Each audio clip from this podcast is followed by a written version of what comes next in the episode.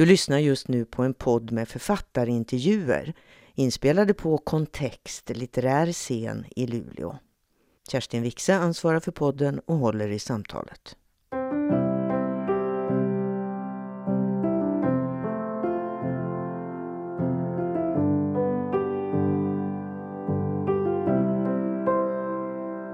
Att läsa den här boken, Ja. det är verkligen en resa i känslor. Ju. Man får ju vara skapt som en sten eller någonting för, för att inte känna sån djup empati med det eh, du beskriver och den resa som, som du har gjort genom din sjukdom. Men om jag har förstått saken rätt så är det ju inte därför du har skrivit boken, för att väcka empati, utan jag vill fråga, alltså, hur växte beslutet om att alls skriva om det här ja. fram? Åh, vilken bra fråga och svår fråga. Alltså jag tror det var så här att det började tidigt när jag var sjuk. När jag, när jag gjorde den här lymfoperationen först så, så hade jag en läkare som... Jag var morfinpåverkad då efter uppvaket och då vågade jag fråga honom om, om vad skulle hända om, om det var spritt i skelettet, hur lång tid hade jag kvar? då? då sa han i bästa fall har du väl tio år kanske, men vi har ju inte kontroll på det och så där. Och så sen så han var, han var väldigt bra doktor och han ringde mig sen och sa att det var ett bra resultat på lymfkörtlarna. Och då hade jag börjat skriva lite vad som hände, liksom ganska bara så där rakt upp och ner, vad sjukdomsbesked och de här olika händelserna.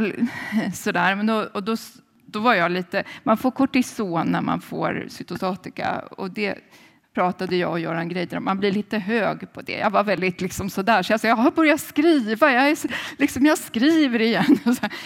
Nej, men du ska väl inte skriva om det här, sa han. Du vill väl inte bli förknippad med det? Och det är lite som att trigga igång mig. Där skammen finns, dit går jag. Och då tänkte jag att varför ska jag inte skriva om det här? Är det skamligt? Är det, liksom, eller är det det här att då blir jag förknippad med sjukdomen? Så att det väcktes väl något redan då.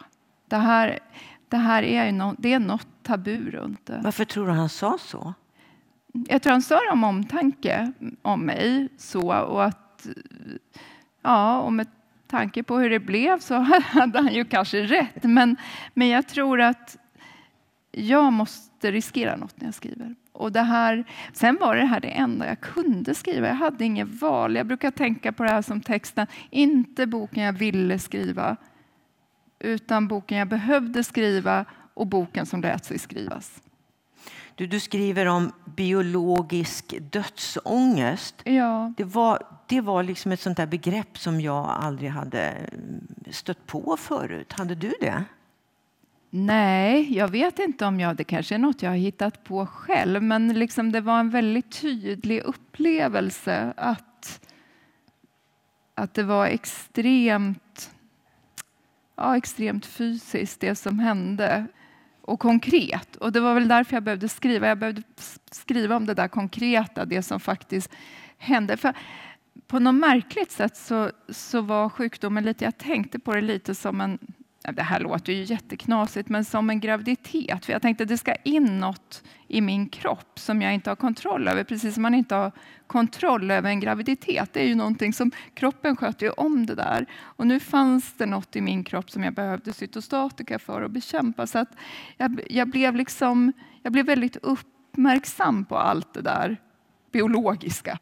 Alltså för att många kommer med andra idéer när man har cancer om att man ska skratta eller att man ska, ska göra yoga eller man ska äta gröna bladgrönsaker eller vad sjutton det nu än är. Och det är ju i all välmening. Men, men för mig var det väldigt tydligt att det är cytostatikan som kan hjälpa mig. Jag kan inte göra någonting själv. Det är nästan egentligen. som att du skiljer ut dig från ja. din egen kropp. Ja. Du, eh, de, alltså jag ska bara säga att för er som ännu inte har läst eh, boken så, så är ju, jo, det är ju en bok om cancer men alltså det är ju nästan ännu mer, mm. tänker jag, en bok om liv, om ett liv och om en kvinna, nämligen mm. du, mm. som mitt i livet ska hantera då allting utöver då cancern. Mm. Och det är inte så lite ska jag säga. Jag var tvungen att lägga ifrån mig boken ibland när jag läste den för att den ökade verkligen mitt stresspåslag. Ja. Och det, var inte, det berodde inte bara på alla de här beskrivningarna av sjukdomstillstånden utan Nej. det berodde på mycket annat. För att framträder en kvinna, nämligen du då Kristina, som har väldigt höga krav på dig själv. Ja, det... Alltså det är knappt att du någon gång tillåter dig att bara vara sjuk. Väldigt, väldigt sjuk. Kan du ja. se det här själv? ja, jo, men det kan jag. Kanske inte. Jo. jag tyckte liksom inte att jag hade något val liksom som förälder och sådär. Att jag, det var väldigt viktigt att, att liksom stå för något hopp för barnen. Sådär. Och då, då blev det så. Och jag gjorde ju det där. De sa ju åt mig att jag skulle gå. Så det gjorde jag ju. In, dum, men lite knäppt. Ja, verkligen. Alltså jag gick de där 10 000 stegen minst varje dag. Och även när jag hade fått då fjärde cytostat, jättestark cytostat, nya, liksom, ännu starkare, jag hade ju ont i halsen, men jag hade ju inte gått mina steg. Så sen så fick jag ju feber. Och då så säger de så här, du måste komma in till akuten. Och då gjorde jag det. Och kände mig så här, gud ska jag vara till besvär och komma på akuten? Och så bara så här, du har inget immunförsvar, det kan gå jättesnabbt. Men då hade de ju sagt åt mig, jag ska gå. Jaha, då går jag. Men liksom det, det, det var också en väldigt bra livlina att ha de där stegen. Liksom för att den där stilla hade nog ökat ångesten ännu mer. Mm. Liksom. Att, att lämna rum för att tänka. Så, att, så när jag väl kunde så var det skönt. Och jag tror, och sen, det är väl en del av ett magiskt tänkande. Jag tänker att jag inbillar mig att jag portionerade ut cytostatikan bättre genom att jag gick så mycket. Okej. Okay. ja. men, men, och så i nästa steg tänker jag, men det, jag vill inte öka ångest för någon som inte går under cytostatikabehandlingen. Så att jag tror att cytostatikan gör sitt jobb ändå. Du, det här med ångesten då. Ja. Var, du, var du beredd på den? Visste du att den skulle komma? Alltså jag visste inte att den skulle bli så förbannat stark. För jag har varit väldigt lösningsfokuserad i livet. Och det jag skriver om det i boken, att det är inte första gången det händer svåra saker. Så att, men då har jag alltid haft strategier, för det har liksom varit lite utanför mig på något sätt. Jag menar, det är klart man blir lämnad och har kärlekssorg och så, det är jobbigt. Men man liksom, då kan man tänka, ja jag ska göra det här och det här och det ska bli bättre. Det här fanns liksom inte riktigt någon jag var väldigt upptagen under en lång period av att nu måste jag bara ta emot vården. Nej, ångesten var brutal. Alltså, det var den. Kom det den och gick eller var den konstant? Alltså, så länge, det, var, det var lite olyckligt tror jag att den här läkaren sa till mig att jag stod inför det här potentiella dödshotet. Och samtidigt så väntade, man får tänka det gick, jag har en känsla av att det gick kanske sex veckor när jag väntade på besked om det var spritt. De där sex veckorna var väldigt, väldigt långa.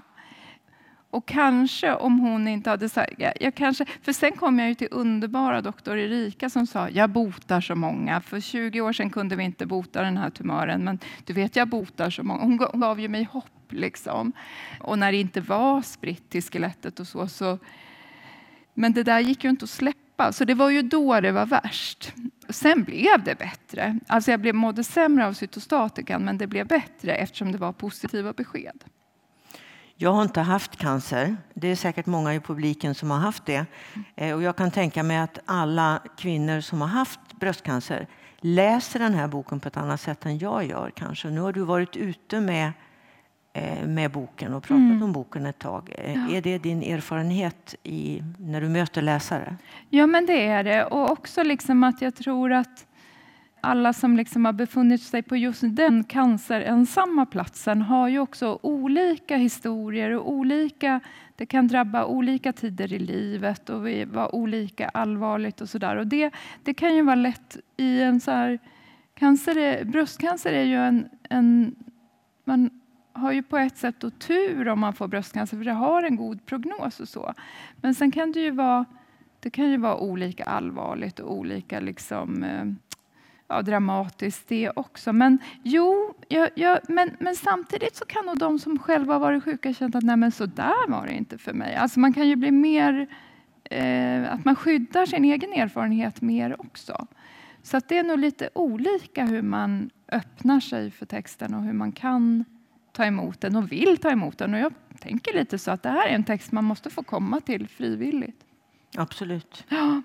Du, du skriver ju en hel del om eh, omgivningens sätt att eh, bemöta dig Ja. när du har fått ditt cancerbesked Mm. och sen också genom behandlings, eh, eh, behandlingsperioden.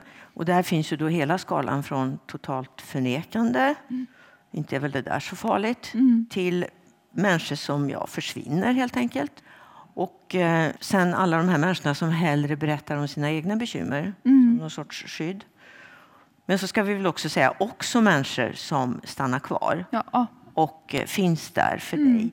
De är inte direkt i majoritet ska vi säga. Nej. Vilka är det som klarar av att stanna kvar hos dig i den här svåra perioden och möta dig i sjukdomen? Och hur vill du bli bemött? Jag, jag, jag skulle verkligen vilja säga så här, för att det, det... Jag skulle vilja säga att jag har full förståelse för hur svårt det är att möta någon i kris. Och så att jag skriver inte för att anklaga någon, utan mer för att beskriva och för att bekräfta andra som hamnar i den situationen att det är inget konstigt att det här händer. Att människor inte orkar, att människor liksom eh, förnekar. Eller så. Och, och jag inser ju också att vi är olika vad vi vill ha. Och jag ville ju ha konkreta och det krassa. Så till exempel så jag och formgivaren Lotta Kühlhorn gjorde just då när jag blev, fick diagnosen, vi gjorde en i köket hos Maj, en kokbok. Och jag hade ju liksom skenande panik och ska, vi skulle göra en intervju, vi skulle släppa boken och jag tänkte att jag kan ju inte ställa in den, det måste vi ju göra. Och så kunde jag inte heller hålla liksom. så jag sa till henne, jag, jag väntar på besked. Och då sa hon till mig, åh, då måste du vara rädd. Och det tröstade mig enormt. Att hon sa, åh, de, det var som att rädslan fick plats. Hon sa inte, nej, men det är inget, eller nej, utan ja. Så, och så var det väl lite igenom. Om doktorn sa du kommer tappa allt hår, då kunde ju många säga men mamma tappar inte hår och pappa tappar inte hår. När han... Nej, men de fick inte högdos cytostatika. För får man den här cytostatikan tappar man håret. Och då är det mycket skönare om någon säger ja, och det finns snygga peruker där, eller så är jag. Andra kanske inte vill ha det. Så om jag säger vilka som orkade så var det väl de som klarade av att härbärgera ångest. Och det är ju skitsvårt att göra det. För det var egentligen inte, du vill inte bli tröstad, Nej. för det fun- fungerar inte i funkar det läget. inte. Nej. Det går inte att ta bort någonting. Utan det är mer liksom, egentligen ville jag väl kunna att någon orkade lyssna och höra liksom att ja, okej. liksom. Men jag, jag känner ju den där impulsen jag också, att få säga, få säga det där. Nej, men det, det blir bra eller det blir si. Alltså, men som terapeut och psykolog är vi ju liksom tränade i att inte springa på bollen när patienten eller klienten berättar om något jobbigt utan att man låter det få finnas. Just det, att Och det ska få låter vara ju, där. kurator Ja. Victoria Ja. låter ju mig. Hon tror ju på mig, hon lyssnar på mig. Det, det var väldigt, väldigt fint. Men du, man kan väl kanske säga, så tänker jag i alla fall, att, att det här, alla de här olika reaktionerna på Ja. texten, då, att det på sätt och vis motsvarar recensionerna sen, Ja, alltså hur boken blev definitivt. mottagen. För där, där har vi ju då sett allt från djup empati till ren avsky. Vi Ja. behöver kanske inte gå in på detaljer, men Nej. jag tänker att eh, mottagandet av boken liksom speglar det som hände när du blev sjuk. Ja, Är det så? jo, men jag tänker verkligen att det var det som hände. Och jag, jag blev intervjuad av, av Jessica i Babel och innan hade vi lite försnack och så, ja, hon var väldigt positiv till boken, tyckte mycket om den och, sa, och jag sa att men jag är orolig liksom för boksläppet. Så, men vad är du orolig för? Och då sa jag, jag är rädd att jag inte kommer att kunna skydda texten som text. Och det kan jag väl säga att jag inte lyckades med. Alltså det, det hände ju väldigt mycket okontrollerbart när den väl kom ut. Och egentligen borde ju jag vara beredd på det. För jag, liksom, jag har ju skrivit väldigt krasst, hårt. Alltså jag, jag, jag är liksom eh, som vissa då tycker skoningslös. Men jag tänker som du sa, det, här, det är livet, det är ljuset, det är liksom den här enorma viljan att leva. Det är, liksom, det är familjerelationerna, det är min pappa, det är Moliden, det är släkten. Det, det är många Sakerna finns ju parallellt i texten och jag tror att vissa som läser kanske bara läser det där det mörka och så ser de inte det andra och, och går igång och får ångest eller blir arga eller sådär. Så att eh, det var ju definitivt väldigt starka sådana reaktioner. Men när man väl har gett ut en bok så har man, man kan liksom inte försvara sig. Man kan inte riktigt gå ut för då talar man egen sak. Och då har du heller ingen val, för Nej, då finns boken där. Då finns boken och den måste få liksom tas emot som den tas emot. så. Men du har ju heller aldrig förut skrivit på det här självbiografiska Nej, sättet. Så att det var ju också att ge sig ut i okända ja, jaktmarker. Ja, verkligen. Läskigt. Läskigt. Och eh, ja, kanske lite dumdristigt. nu är det för sent. Nu är det för sent. Det är för sent. Men du, jag vet ju också att eh, du har sagt någonstans att, att du kanske också tror att när man då ser avsky för din text, ja. att det till del lite handlar om det där som kirurgen var inne på. Ja. Att det där med att skriva om kvinnokroppen och ja. vad är det för någonting? Ja. Fy, och ska vi nu hålla på med sånt ja, här? och hålla Va? på och liksom med med allt vad jag skriver om. Jag har ju redigerat lite i det jag läser upp så att det inte kommer allt, allt kommer med. Men, men det får man komma till när man läser tyst. Eh, men, nej, men jag, jag, det är ju min mission. Liksom. Jag skriver ju om det där. Jag, jag, jag har ju ett feministiskt skrivande och jag tänkte det här är ju något som drabbar många kvinnor och det liksom finns, finns ju liksom, och det finns en idé om att vi inte ska liksom eh, i det här positiva tänkandets tid och det lösningsfokuserades tid, som, vilket kan vara väldigt bra, men så kanske vi inte lämnar plats för sorg, att det måste få ta tid, att det, man kanske måste vara nere i det där mörka för att också kunna klättra uppåt. Och det var väl kanske det jag upplevde mycket, att nästan direkt efter behandlingen, nej men nu måste du väl vara glad, nu ska du väl vara... Nej men jag var inte det, jag var, jag var deprimerad rätt länge efter och tror jag också ganska biologiskt av den här starka cytostatikan och sådär. Och det var, jag tror det har varit bra för mig att jag har sörjt.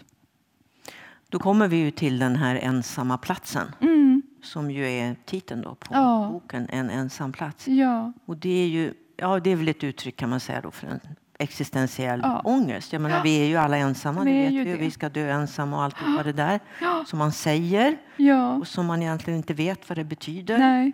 Och nu fick du känna, känna på vad det mm. betydde. Ja. Hade du, kan du säga att du hade gjort dig föreställningar om det förut? Vad var det med den här ensamheten som var nytt? Ja, nej men... Jag tror att jag hade en mycket mer romantisk, som jag säger, där jag är lite då raljerande och säger den här kittlande dödsångesten. Vi håller ju på med döden hela tiden i kulturen och den dramatiska döden och när man också återuppstår och liksom, alltså det finns ju, vi, vi, vi bearbetar ju vår dödlighet på olika sätt. Och det måste vi ju få göra. Men här var det ju liksom, det vet jag att, att Sven Teglund och jag har pratat om i podden Hemmafru, om att sjukdomen inte är... Den är inte det, det är ju det att man ska leva i nuet, men då är nuet allt man har och det är hemskt. Det är inte alls roligt att bara leva i nuet. Man vill liksom kunna tänka framåt och tänka bak. För det var liksom varje framtidstanke blev så här, men jag kanske inte... Jag jag, alltså, och det var det som blev den här akuta dödsångesten. Du får en begränsning. Det, det, det, det blev liksom, och det blev jättetrångt och klaustrofobiskt. Och, eh, jobbigt på olika sätt. Så att, så att på så sätt var den här insikten... Jag, jag, skulle, jag ska inte tro att jag... Jag kom ju aldrig liksom... Det, man, man har ju man måste ju dö, möta döden på ett ännu närmare sätt någon gång i sitt liv. Liksom. Jag, jag, jag var ju och nosade på det. Liksom så. Men, men Ja, det var en ny erfarenhet. Det var en väldigt...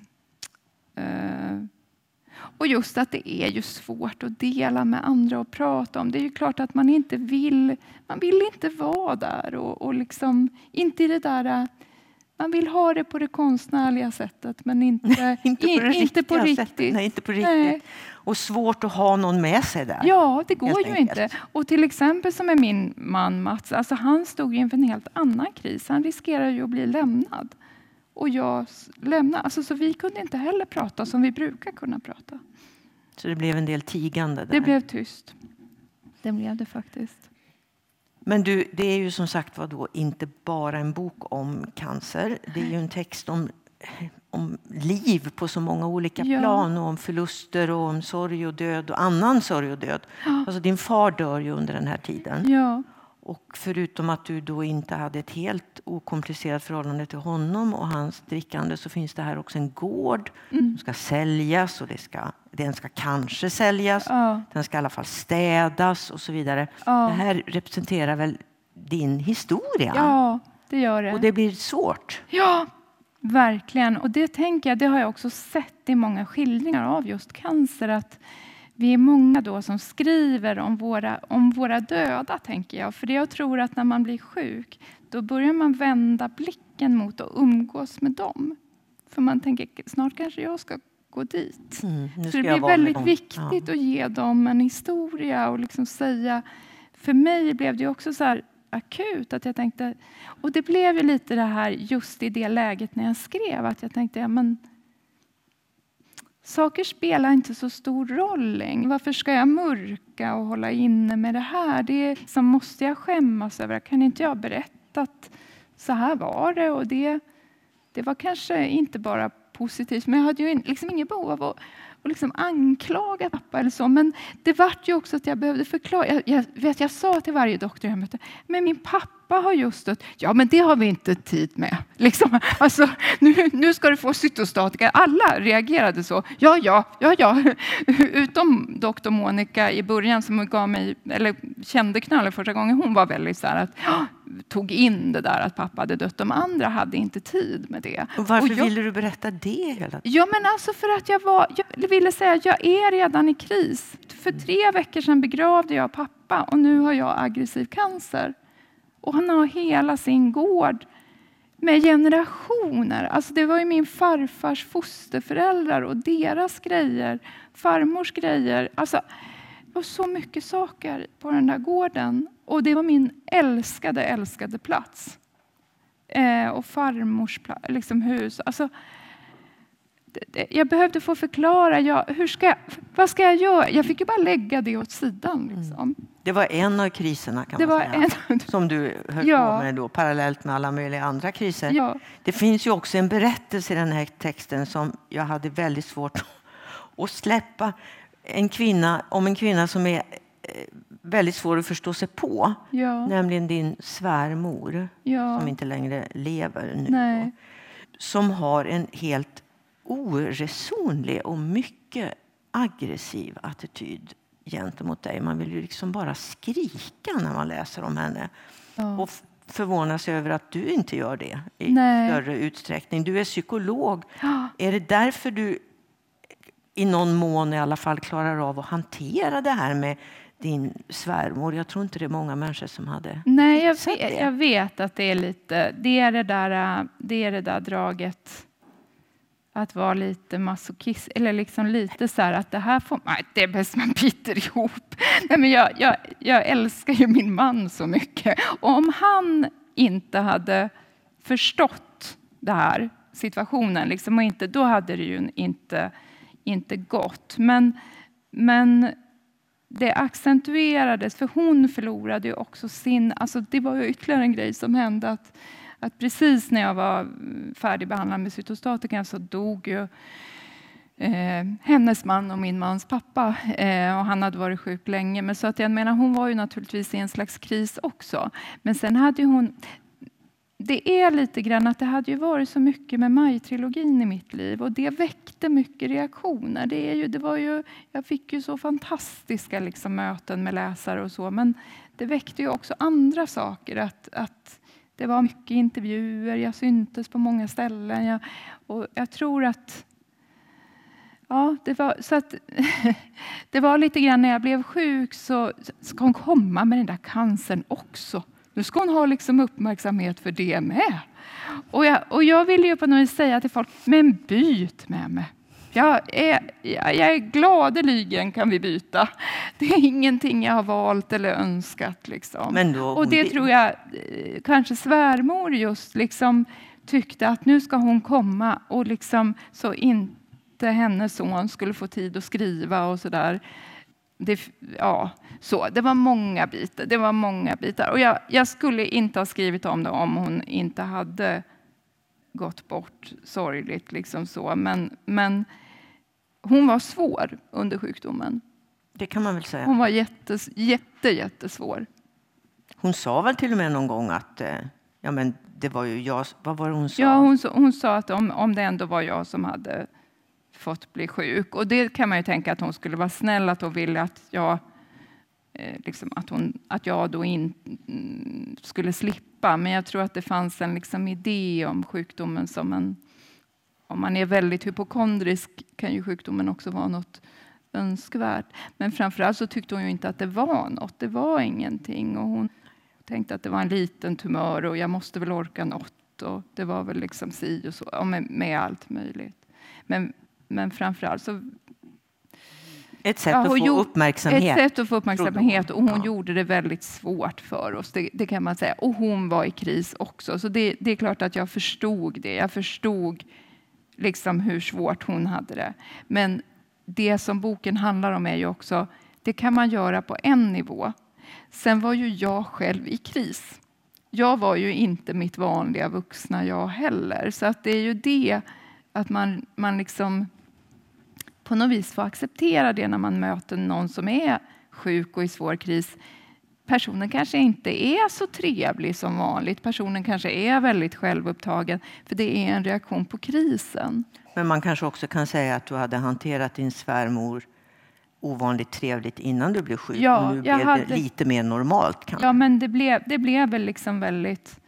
Det blev, det blev svårt. Det blev jättesvårt. Men du, sen är det också en text om arbete. För att under hela den här perioden, alltså en författares arbete, för att ja. du gör ju så mycket hela tiden. Ja. Du skriver texter och du har möten, jag fattar inte, ja. och du har författarsamtal och du gör allt möjligt. Och alltså, det känns som att du verkligen pressar dig själv till att göra det du tycker att du klarar av i alla fall. Och mitt i alltihopa så åker du och hela familjen och besöker Jamaica Kincaid, ja. som du sen ja. skriver om. Men det är i alla fall ett möte och ett uppdrag som inte dränerar Nej, dig. det var jag. underbart. Det var underbart. Det var så roligt. Och grejen var att jag hade fått frågan om att ha det här samtalet och så blev jag sjuk. Och då sa Mats också så här att ja, men du kan ställa in det mesta men inte samtalet med Jamaica Kincaid. Du kommer att ångra dig. Och okej, okay, du har det efter fjärde cytostatikakuren och peruk och kanske lite trögare minne och allting. Men, men då, bestämt, då sa jag, men om vi gör det tillsammans, att vi är två på scenen och pratar med henne. Och så gjorde vi det och så blev det ju så himla trevligt och fint. Och då kläcktes idén, liksom, men ska inte ni åka till Vermont och göra ett, ett reportage om henne?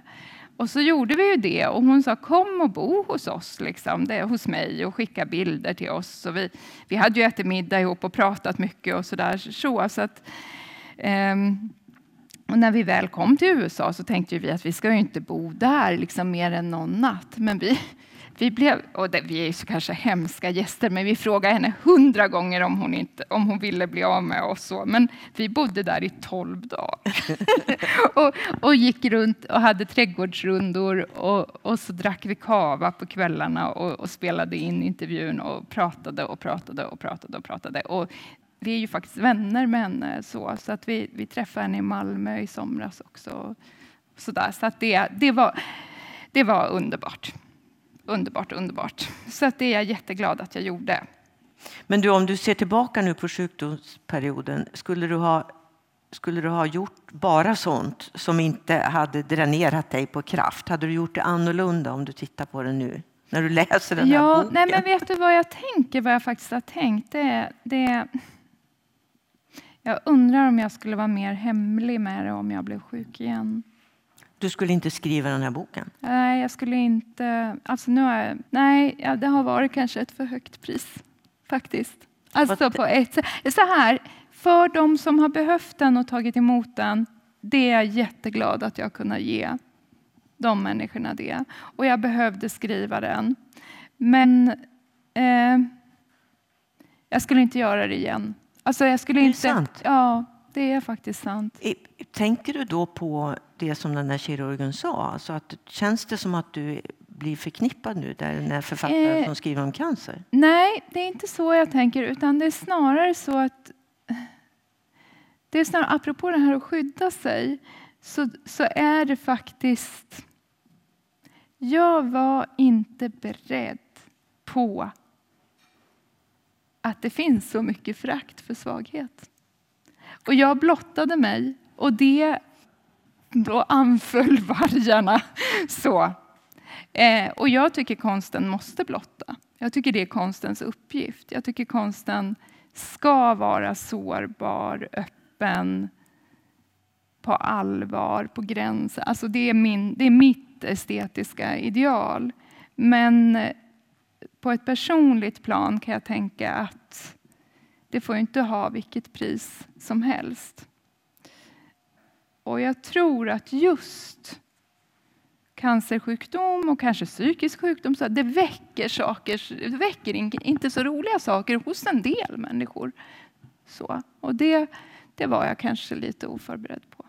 Men du, kan det vara så också då att det brukar man ju säga om Alltså att det ibland är mycket lättare att ta till sig det mörka eller Mm. det onda eller aggressiva då än, än eh, det ljusa och Mm. eh, empatiska. Ja. Alltså, är det, tror att det är så i ditt fall också? Det kanske om, om några år kanske du ser på det annorlunda. Att, att, att du liksom är mycket mer känslig för det här, Ja, den här avskyn och det här föraktet än, än för det andra. Ja. Den stora empatin som jag Ja. ju ändå kan misstänka. Ja, men för det, det ska vi verkligen säga. Det var fan, jag, jag tror att jag har... liksom- Alltså det var ju fan, jag har ju fått ett fantastiskt mottagande verkligen också. Det, verkligen. Och det är jättefint. Men det, det är kanske att det kommer på... Det har kanske kommit... Ja, men precis som jag var förvånad att sjukdomen väckte ilska, för det är ju det jag skriver om i boken, för det var jag inte beredd på. Jag var inte beredd på att folk skulle bli arga över sjukdomen på olika sätt. Och Alltså, och det, ibland är det ju min mer dolda aggressivitet, att man kanske börjar prata om någon som har dött i, i, i bröstcancer i min ålder med mig när jag liksom sitter med behandling. Alltså det, det, det kan man ju tänka, är det empatiskt? Nej, men det är ganska, det är ganska aggressivt. Det är ganska aggressivt. Eh, Så, eh, om man, och, och aggressivitet kan vara ett skydd mot rädsla. Så det kan ju vara det det handlar om. Men det kan man ha svårt att förstå när man själv sitter liksom i, och inte vet vad man ska formulera och inte. Och, så där. Och, och, och, och det är den aggressiviteten jag tänker att jag kanske, liksom, att jag kanske måste skydda mig lite mot den. Och, men å andra sidan så tänker jag ju precis som du säger att om det ska vara på riktigt och på allvar så måste man ju också betala ett pris för att kunna få det här de riktiga samtalen med de som behöver dem. Jag har fått så himla fina läsarbrev. Så att jag ångrar nog inte att jag skrev boken och att jag tänker att jag gjorde något som var viktigt för mig och för andra som kan känna igen sig och andra som vill förstå mer. Men jag är inte säker på att jag skulle vilja göra det igen. Det, det är det, att liksom, jag kan ändå stå och känna jag har ju alltid riskerat mycket med mina böcker. Och det som några sa att ja, men, och hon har bara fått liksom bra recensioner. Men det, så har det inte varit. Jag har alltid åkt på sådana här helknasiga eh, från det jag debuterade och framåt. Så det, var jag, det, är inte, det är inte första gången. Men, men Nej, du är ingen duvunge. jag är ingen duvunge och, och, och, och sådär. Men det, det blev ju en så... Det blev ju så mycket en debatt som inte alls handlade om boken. Ingenting. Den, och det var ju också där, det är ju lite så, man börjar prata, man säger det här vill jag berätta om. Nej, vi pratar om något annat istället. Och det gjorde man. länge, många veckor i offentligheten. liksom. Eh, och och det, det, är ju en reaktion på det, där, på det där tabut, att man inte vill prata om det. Du, på slutet i En ensam plats så skriver du om att du då blir friskförklarad. Mm. Att du är friskförklarad men inte frisk. Nej, men så här, så, jag, så här eh, är det med det. Att jag frågade efter något år min onkolog vad jag ska svara när folk frågar om jag är frisk. Och då sa hon, du ska svara att du är botad. Just det. Och jag vet inte riktigt vad det, jag vet fortfarande inte riktigt vad det betyder. Men det är ju att man inte längre friskförklaras utan man men liksom tumören som jag hade är jag ju botad ifrån.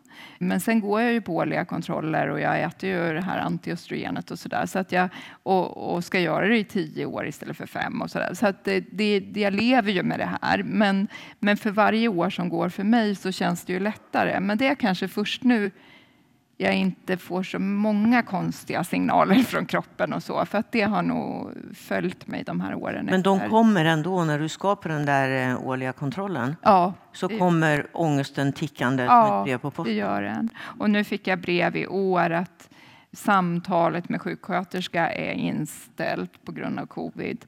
Eh, och du kommer få kallas till mammografi, men det kan bli senare lagt. Och det är klart, då, då börjar det ju fnula runt lite så i huvudet. Att, ah, ska jag inte få någon mammografi och så där? För det är, när jag väl har gjort mammografin och de har gjort ultraljud och det är bra, då, då, då lever jag på det länge. jag kan, då blir du lugn. Ja, ja, jag kan klara det tio månader kanske, sen, men när det är två månader kvar, då, då börjar det lite. Fast ja, Nej, men det, här, det här har varit... Men det är ju det där magiska tänkandet. Jag blir ju lite rädd att säga att det är...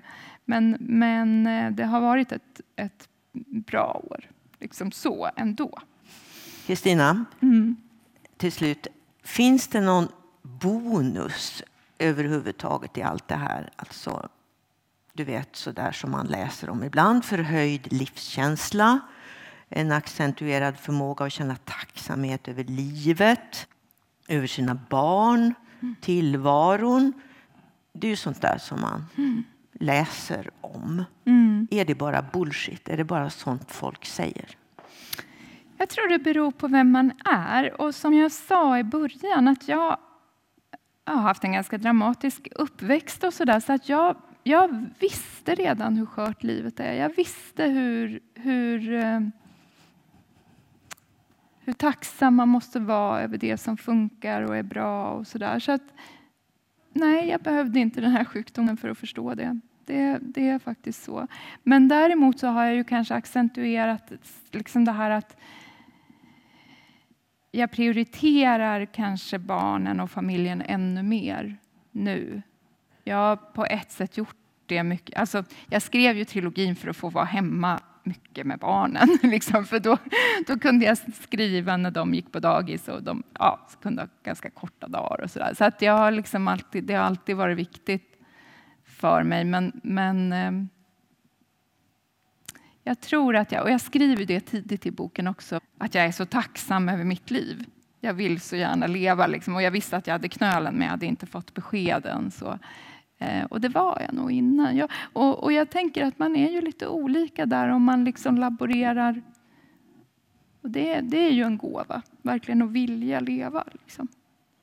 För det är ju inte alla som, som har den Nej. möjligheten eller förmånen. Liksom. Och du har ju också dina två barn. Eh, eller du och Mats. Och det mantra som går genom hela boken är ju jag, jag får inte dö från mina barn. Och det vet ju varje mamma att det är liksom det man inte får göra. Det är det som är förbjudet. Ja. Men apropå ångesten då.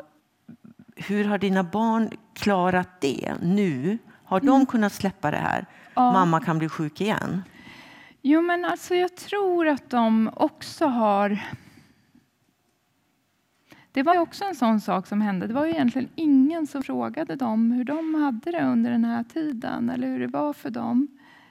Det är också ett liksom, tabu att, att liksom ta in det.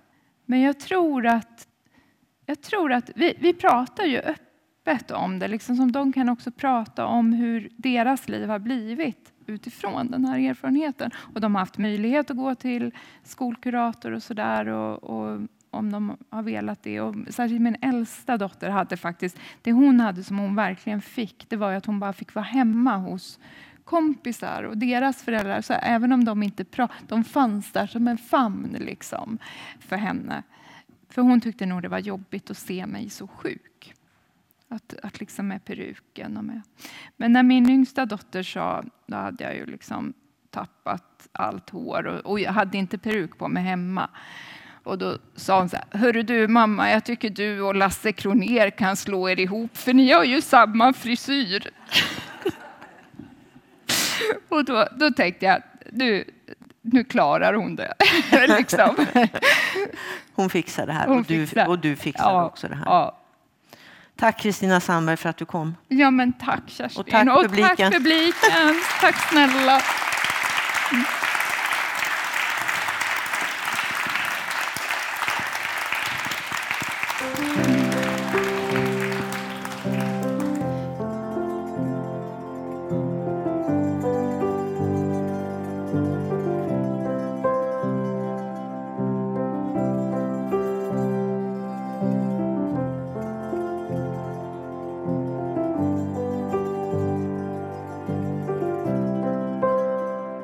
Kontextpodden produceras med stöd av Region Norrbotten och i samarbete med Kontext litterär scen i Luleå.